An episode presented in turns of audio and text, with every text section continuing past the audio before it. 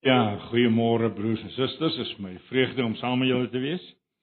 Kom ons blaai in ons Bybels na die Evangelie van Lukas toe. Lukas hoofstuk 12. Ja, kom ons lees van vers 13.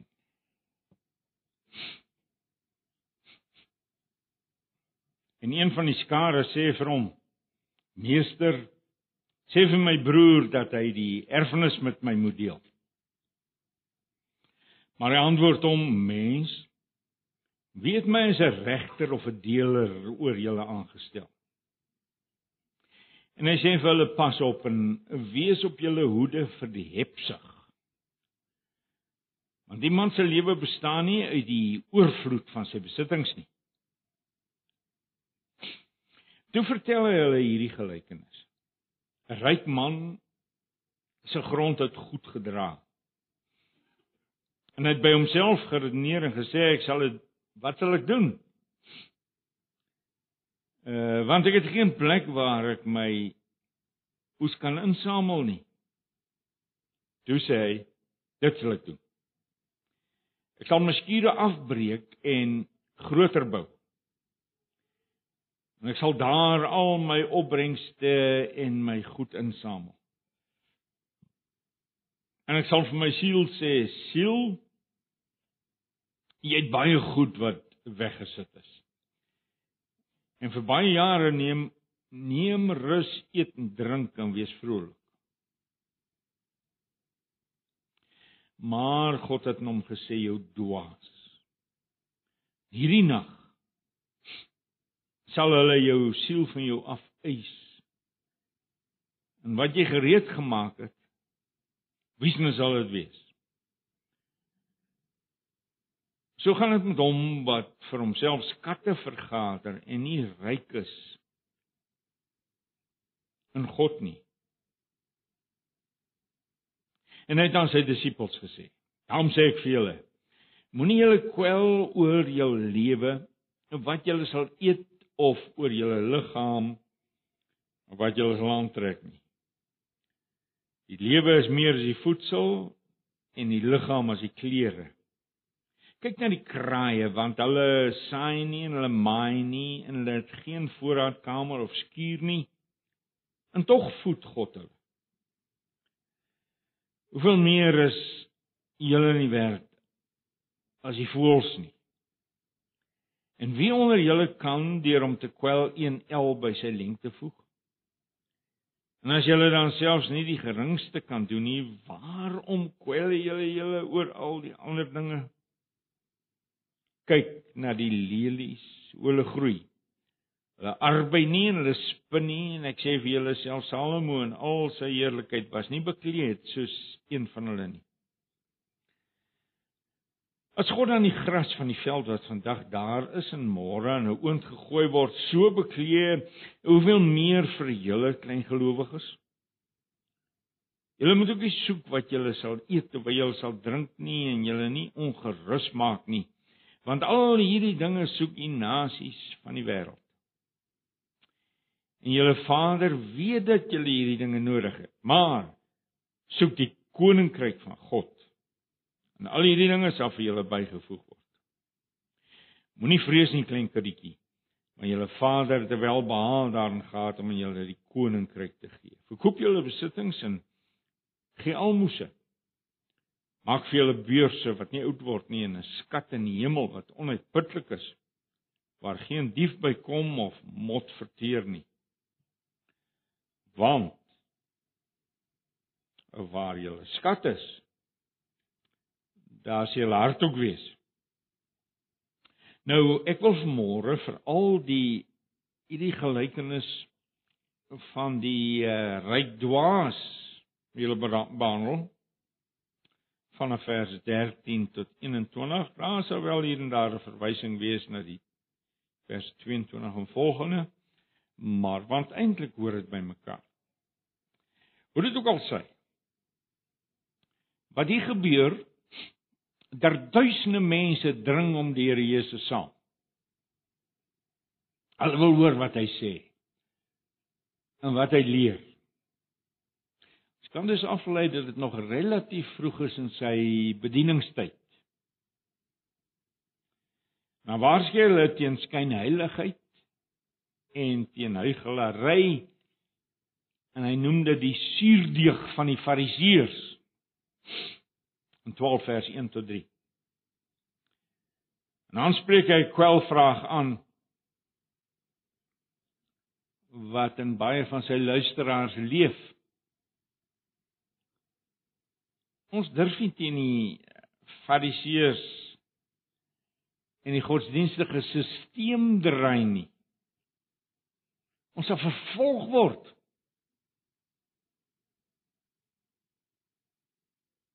En hierdie godsdienstleiers se onverdraagsaamheid teenoor jeukskeynbrekers blyk duidelik uit hulle latere hantering van Jesus. Hulle het nie oppositie geduld nie. En dis waarom die Here dan vanaf vers 5 met die mens begin praat oor sy hemelse Vader se liefdesorg vir mense wat ter wille van die seun vervolg word. En dis hoekom my voornemende disippels waarsku om hom nie te verloon nie. En mag ek jy net weer daaraan herinner. Dit het nou 2000 jaar gelede gebeur, maar dit geld vandag nog net so. Nog net so. Presies dit. En soos hulle dit destyds sy woord in die geloof moes aanvaar, so moet ons dit nie geloof aanvaar. Maar terwyl die Here Jesus besig is met hierdie uh ernstige lering, val 'n man om kreun in die rede. In plaas van diep nadenke oor die Here se woorde, is hierdie kerel met iets heel anders besig. Hy en sy broer twis oor hulle erfgeld. En nou wil hy weet, wat nou? Nou Jesus ontken nie dat dit 'n ernstige probleem is nie. Maar daarvoor is daar 'n regstelsel sê.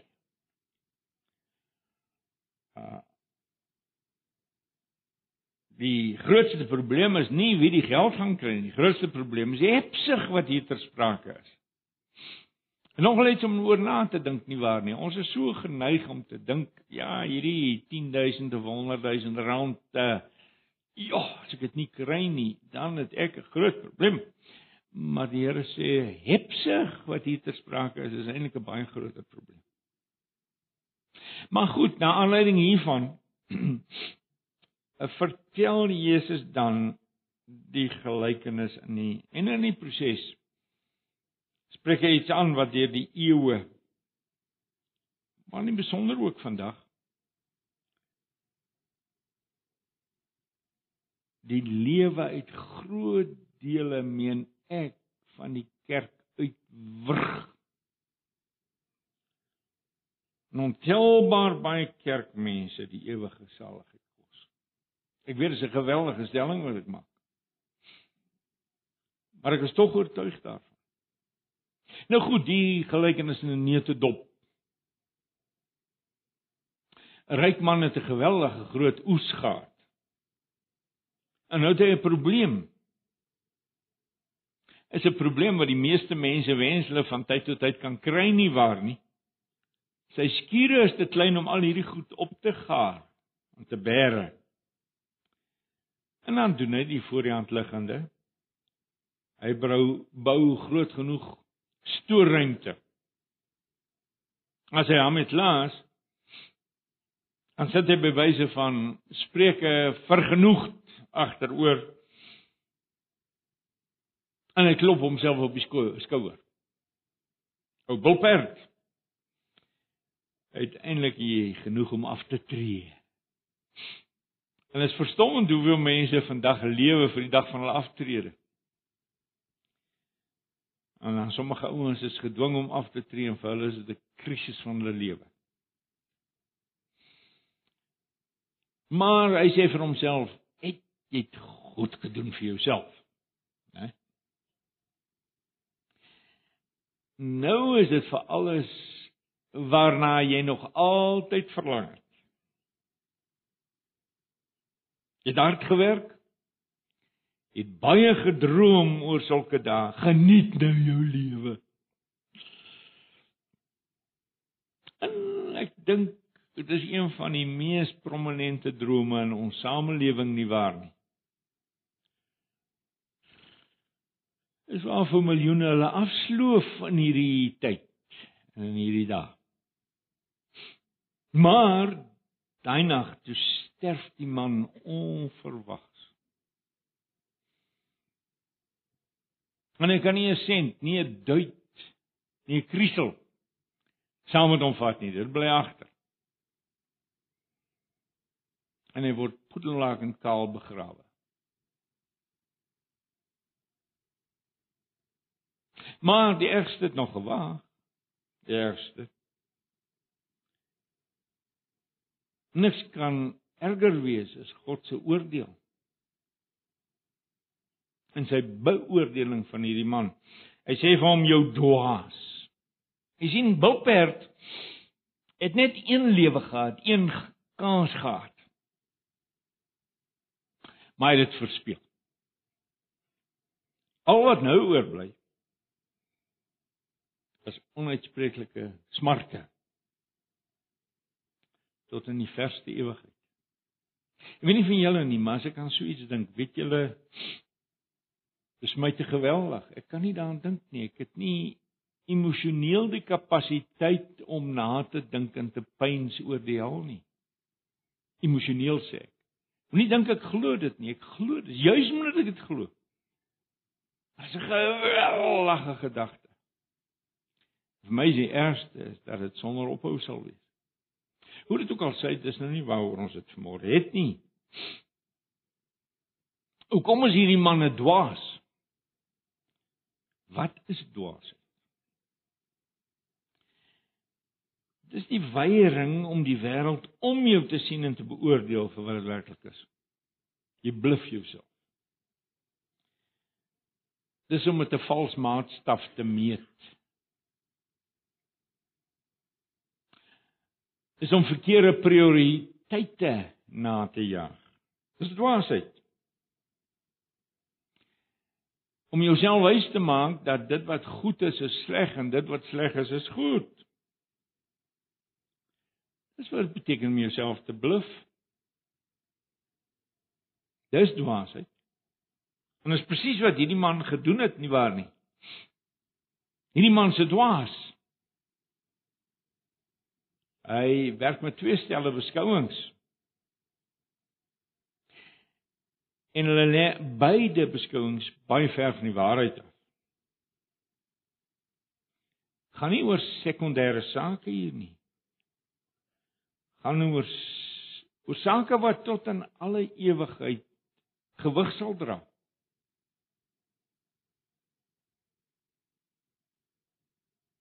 En sy beskouing oor aardse besittings. Dit lyk vir my slaan die bal op 'n bedenklike wyse mis. En sy siening op wat ware lewe is, hou noodlottige gevolge vir hom. As ons so aangaan, wil ek hê julle moet julleself afvra, hoeveel mense is daar nie van wie dit waar is? Presies dit, presies dit waaroor ons hier praat soveel mense in hierdie wêreld leef vir hierdie waardes. En ek wil vertrou dat hier niemand is in hierdie saal vanmôre van wie dit waar is nie. Nou wat besittings betref, dwaal hierdie man op vier maniere. Kom ons sak 'n bietjie daarop in. Kom ons dink 'n bietjie daaroor na. Wel in die eerste instansie maak hy homself wys dat sy aardse besittings aan hom behoort dat hy dus volle seggenskap daaroor het.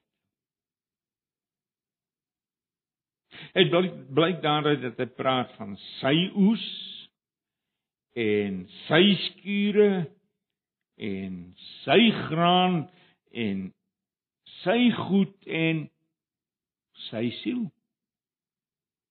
Maar hy bedrieg homself natuurlik. In die absolute sin is niks syne nie. Op wiese grond het hy sy gewasse gekweek. Wie die reën gestuur?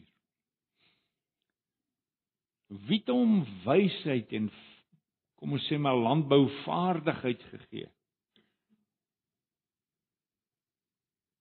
Wat het ons wat ons nie ontvang het nie broers en susters? Wat het ek wat jy ontvang het nie wat het jy wie nie ontvang het? Waarlik as die Here gee en as hy neem dan doen hy dit as soewereine eienaar. Hy mag dit doen. Ons is net diensknegte. Rentmeesters. Uiters bestuurders in die Here se diens. Maar wat ek wil sê is waarlik as die Here gee, dan gee hy dit as 'n soewereine God. En as hy vat, dan vat hy dit as soewereine God. En hy mag dit doen. Ons mag nie met hom twis daaroor nie. En hy het 'n rede hoekom hy dit doen. En as ek een van sy gunsgenote is, vriende, het hy 'n goeie rede daarmee. En ek sê dit nou vir julle, pas dit nou op jou eie lewe toe. Of dit nou geld is wat hy gevat het of gegee het. En of dit jou geliefde eggenoot was of 'n kind wat hy gevat het. Alles werk heen na die goeie toe. Sê die Bybel vir ons. Kom ons vat dit vas. Kom ons omhels dit. Kom ons dra dit op ons bors. Dit geld ook vir my. Dit geld vir jou. Nou, dis nou sommer so 'n klein preekie hier, soos hulle sê, as dit tersyde. Ehm, maar kom ons gaan aan met hierdie gelykenis. Tweedens maak hy homself wys dat sy besittings noodwendig vir altyd sou hou. So het hy gedink. In 'n geval vir baie jare, sê vers 19. Maar julle weet, brande breek soms uit. En pakskure word vernietig. Aardbewings vernietig soms ons huise. Aandelebeurse stort in duie. Ons kan nooit met sekerheid sê dit gaan altyd so goed gaan soos nou nie. Dit was my tweede punt van net die opmerking wat ek wou maak. Derdens maak hy homself wys dat sy besittings daar is vir sy plesier. vir sy plesier. En is daar om van hierdie wêreld 'n lekker plek te maak. sien? Maar Die Here gee vir ons ons besittings om daarmee te woeker. In sy belang en vir sy eer vir sy evangelie, vir sy kerk, vir sy armes. Onthou dit, onthou dit goed hoor. En in die vierde plek maak hierdie man homself wys dat sy besitting sy siel kan bevredig. Nou gaan lees dit maar weer. Dis immer sy siel wat hy aanspreek as hy dink al die lekker wat op hom wag in vers 19. Maar 'n mens se siel kan nie biefstuk eet nie of goeie wyn waardeer nie. Die vrede van jou siel is nie afhanklik van goue ringe in sy japonne nie adrenalien opwellings het 'n siel nog nooit bevredig nie. Nou goed, kom ons gaan 'n bietjie aan. Wat die lewe betref, dwaal hierdie man op drie maniere. In die eerste instansie wat die lewe hier en nou betref, uh, dink hy net aan die liggaamlike. Al spreek hy sy siel aan, wil hy bloot beloon met sy leeflike be bevredigings. Om te rus en om te eet en om te drink en om plesier te hê. Dis waaroor dit vir hom gaan. Die innerlike mens en sy geestelike welstand kry geen plek op sy voorkeurlys nie, jy het dit opgelet. Maar dis die mens se gees wat eintlik belangrik is. Dis die deel van ons menswees wat onvernietigbaar en ewig is nie waar nie. Tweedens Hierdie man lewe asof hierdie lewe alles wat daar is. Hy leef soos die prediker sê onder die son. Hy berei homself hoegenaamd nie voor op hiernamaals nie. Hy vee hom af aan die feit dat daar 'n intieme verband bestaan tussen ons lewe hier en nou en ons lewe hierna. 'n intieme verband sê dat ons lewe nou bepaal waar en hoe ons die ewigheid gaan deurbring. Geweldige gedagte. En dan nou in die derde plek Soos moet almal gaan wat soos hierdie man lewe weier hy om rekening te hou met die komende dood. Dink jy daaraan? Wil jy daaraan dink? As hy van tyd tot tyd daarmee gekonfronteer word, skreeu hy vir homself dat sy heen gaan nog ver in die toekoms lê. Hy gaan so goed soos nooit plaasvind nie. Soos dit was. Presies net so. Ja, hy verkeerde dinge na. Hy leef in sy eie sprokies wêreld. Hy werk net met hierdie realiteite wat hom pas. Hy kies altyd die weg van die minste weerstand. Dis dit dwaas. Maar hierdie gelykenis wil ons natuurlik nou leer hoe belangrik dit is om ryk te wees in God. Lees 'n mens die gelykenis oppervlakkig, lyk dit asof Jesus hier 'n waarskuwing rig, maar niks positiefs vir ons sê nie.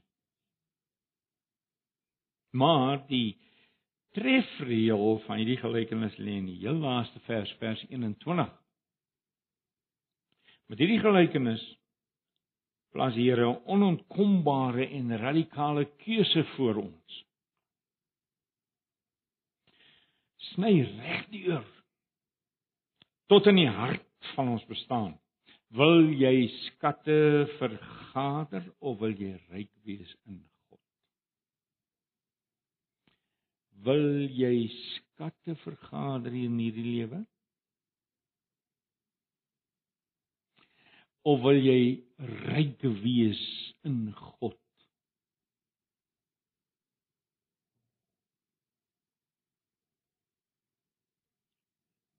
As 'n mens deur al die opsies van hierdie lewe gewaat het, bly daar uiteindelik een groot en finale keuse oor. En as 'n keuse wat jy moet maak, jy kan nie op twee stoele bly sit nie. Gaan jy vir hierdie wêreld of gaan jy vir die lewe hierna? Vra jouself af. Vra jouself af. Gaan ek met al die prioriteite, met dit waaraan ek my dae wy, met dit waaraan ek my gedagtes wy, dit wat vir my belangrik is, gaan ek vir hierdie lewe of gaan ek vir die ewigheid na hierdie lewe. Wat is wat is my belangrik? Wat vul my hartspan? Jy verstaan wat ek sê? Daar is niks in jou lewe wat meer van jou sê as presies die antwoord wat jy op hierdie vraag moet gee nie. Niks nie. Maar jy moet hom eerlik gee, jy moet hom eerlik gee. Moenie dink jy kan hom Nee nee nee nee, hy kom staan nou voor jou. En as jy hom nie wil antwoord nie, sal die Here eendag self vir jou vra: "Dwaas, hoekom wou jy hom nie antwoord nie?" Want ek sê sê as jy lewe vir die ewigheid, sal jy nie 'n probleem hê om 'n antwoord te gee nie. Dis wanneer jy weet jy het 'n verkeerde antwoord, 'n verkeerde realiteit in jou lewe. Ek sê 'n kompromie is nie moontlik nie. Wat dit twee goed betref nie. Jy gaan of vir die een of vir die ander. Dis wat Jesus sê. Is hieroor waaroor die res van die hoofstuk dan nou handel. Ons tyd is te beperk om in besonderhede daarna te kyk. Uh oorsigtelike benadering sal egter net so goed wees om ten einde geheel beeld te kry. Nou in die eerste instansie wil ek sê oor die res van die hoofstuk. Eerstens sê Jesus dat sy disippels nie bekommerd hoef te wees oor hulle versorging as hulle dit najag om ryk in God te wees nie. Anders hoe mense dit nie, né? Nee sê julle moenie bekommerd wees nie.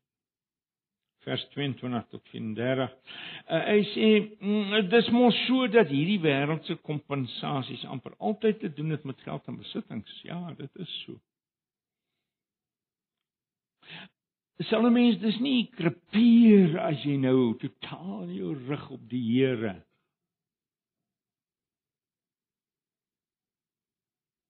as jy in hom opgaan nie. Hmm. Nee sê die Here Jesus. Nee nee nee. Julle hemelse Vader sal tot in die fynste besonderhede en tot op die laaste dag na julle omsien. Met natuurlik, met natuurlik, julle alles beheersende gerigtheid, die koninkryk van God is. Sê in vers 31. En daarom sê Jesus, moenie vergader nie. Maar wees uitbundige uitdelers man. Vers 33. Nie alleen is dit die manier om die suigkragte van hierdie eh, wêreld te smoor nie. Is ook 'n wonderlike manier om in die hemel te belê. En dis ryk te wees in God. Onthou sê die Here ten slotte alles gaan oor die gerigtheid van jou hart. Hoe van woord dit gaan. En is 'n onontkombare wetmatigheid. Waar jou skat is, sal jou hart wees. Onontkombaar. Is net so. Waar jou skat is, sal jou hart wees. In die tweede instansie sê die Here moet ons verstaan dat hy nie hier van 'n stokperdjie praat nie. Iets waarmee mens jou net nou en dan besig hou. Net nou en dan aandag aangee. As jy tyd het, as jy lus het. Nee, nee, nee, nee. Hy praat van 'n ywer en 'n afwagting wat elke dag uitkoop vir die eer van die Here en die koms van sy koninkryk.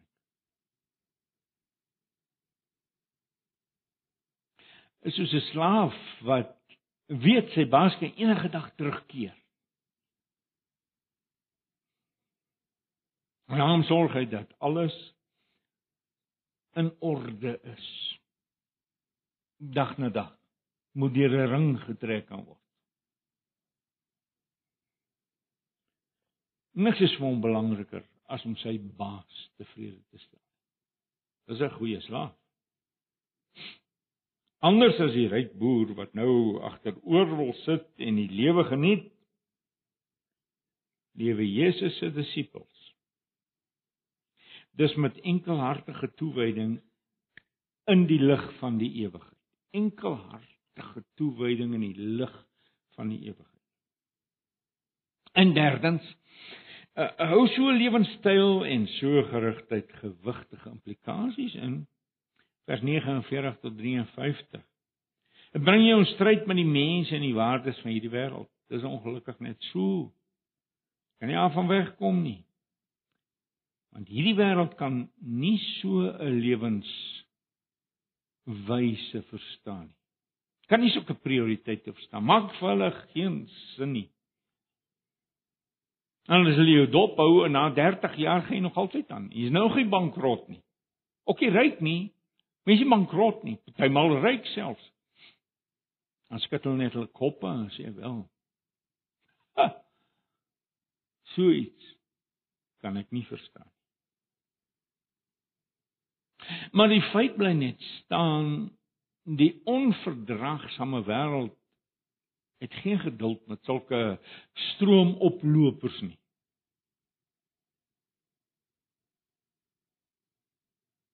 Maar jy sien sulke mense maak 'n geweldige appel op hulle gewetens, né? En Jesus se disippels moet daarom weet dat die lewe meesal die teenoorgestelde vir hulle sal oplewer as wat die ryk boer eh, met sy groot oes opgehoop het. Ja, hierdie lewe, as jy so lewe soos die Here hier sê, gaan dit soms mee moeilik gaan. Jy gaan soms verwerp word, jy gaan soms vervolg word. Hy waarborg jou nie dat jy nie partymal 'n bietjie swaar sal kry nie. Dis altyd genoeg hê ja. Maar jy sien nie altyd geld hê vir 'n vakansie van 3 weke in Monaco nie. 'n 'n persoon van sake belê jy in die hemel nie op aarde nie. Here Jesus sluit dan hierdie lewensbelangrike stuk lering in die vierde plek af met 'n verwyd en 'n dringende oproep. Vers 54 tot 59. Maar mos hulle blind vir die belangrikheid van die oomblik sê hy vir hulle. Waarom sê hulle nie dis die lang verwagte Messias wat met hulle praat nie? Waarom dring dit nie tot hulle deur dat God se ryk met radikaal nuwe waardes en prioriteite op hulle gedaag het nie? Waarom wil hulle aangaan soos nog altyd? Waarom wil hulle steeds op die tromslag van hierdie gevalle wêreld bly voortmarseer? Kom, kom, kom, kom roep Jesus.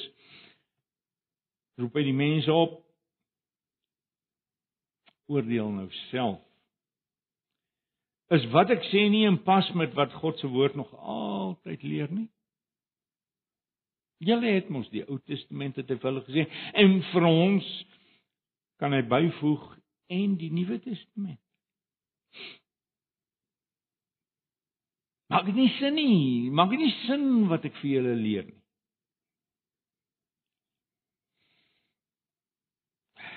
Hoekom wil jy nog steeds hm, op die tromslag van hierdie gevalle wêreld bly voortmarseer? Kom nou en volg my sê. Kom volg my nou voluit. En radikaal. Sien? Dis wat ek sê nie in pas, sê hy vir hulle. Met God se woord nog altyd nie, vers 57. Maak dit nie sin nie. Natuurlik, natuurlik, julle weet dit. En nou moet mense dringend besin en nie uitstel om kwaliteitsbesluite te neem nie. Niemand weet hoe lank hy of sy nog het om uit hierdie wêreld se gelid te breek nie, sê hy hulle. Of dis die implikasie. En om nie hiernamaals op te daag sonder belegging in die hemel. Is dit skrikwekkend om te bedink. Is dit verskriklik om te dink. Om dan nakend voor God te moet gaan staan. Voor sy regbank moet verskyn. Poedel nakend kal. Dat al jou besittings in die graansuiers van hierdie wêreld lê en verrot.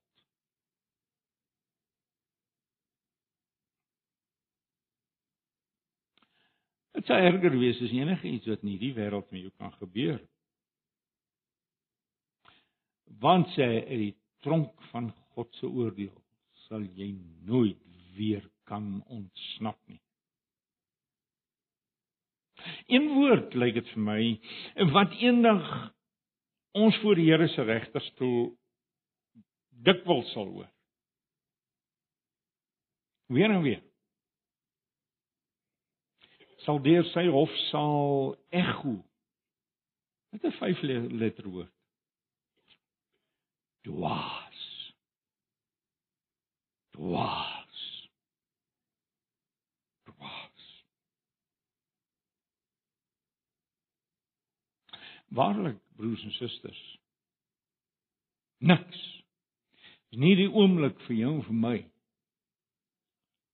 Belangriker as om die woord van koning Jesus glashelder duidelik te hoor, te bedink, weer te gaan bedink en dan daarvolgens te leef nie. Daad kragtig. Dit geld vir my ook. Geld vir julle ook. Mag die Here ons genadig wees. Amen.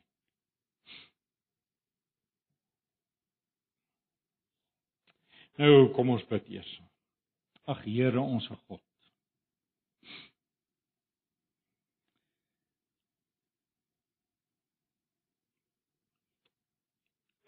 As ek dit sou kan uitdruk, 'n mens kan rammetjie uitnek wees as jy voor agter kateder staan en preek.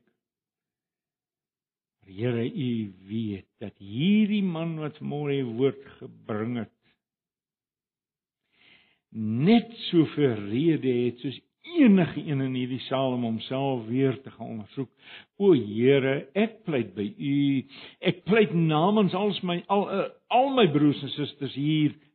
Wees ons genadig. Breek deur in ons gewetens in. Toon vir ons as dinge nie alles pluis is nie en as ons nie leef met alles wat ons is net met die oog op die ewigheid nie. En help ons om nie draaie te loop nie. Help ons om nie onsself te bluf nie. Help ons, Here, om nie kompromieë te maak nie. Help ons om voluit vir U en vir die koninkryk te lewe.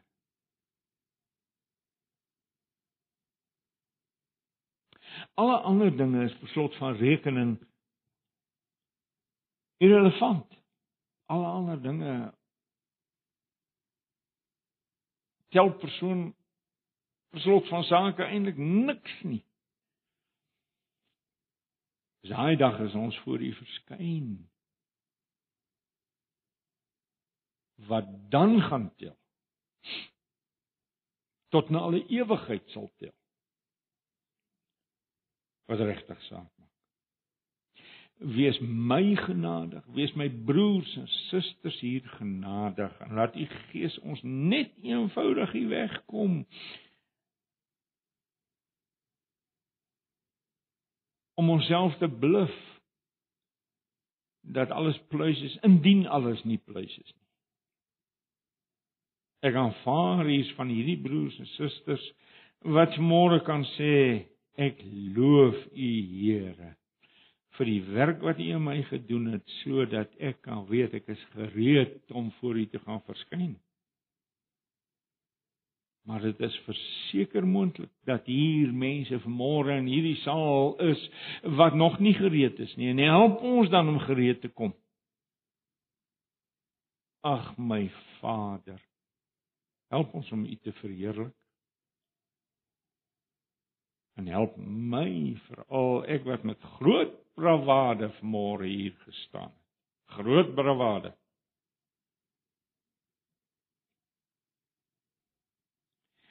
Om gereed te wees om my God te ontmoet.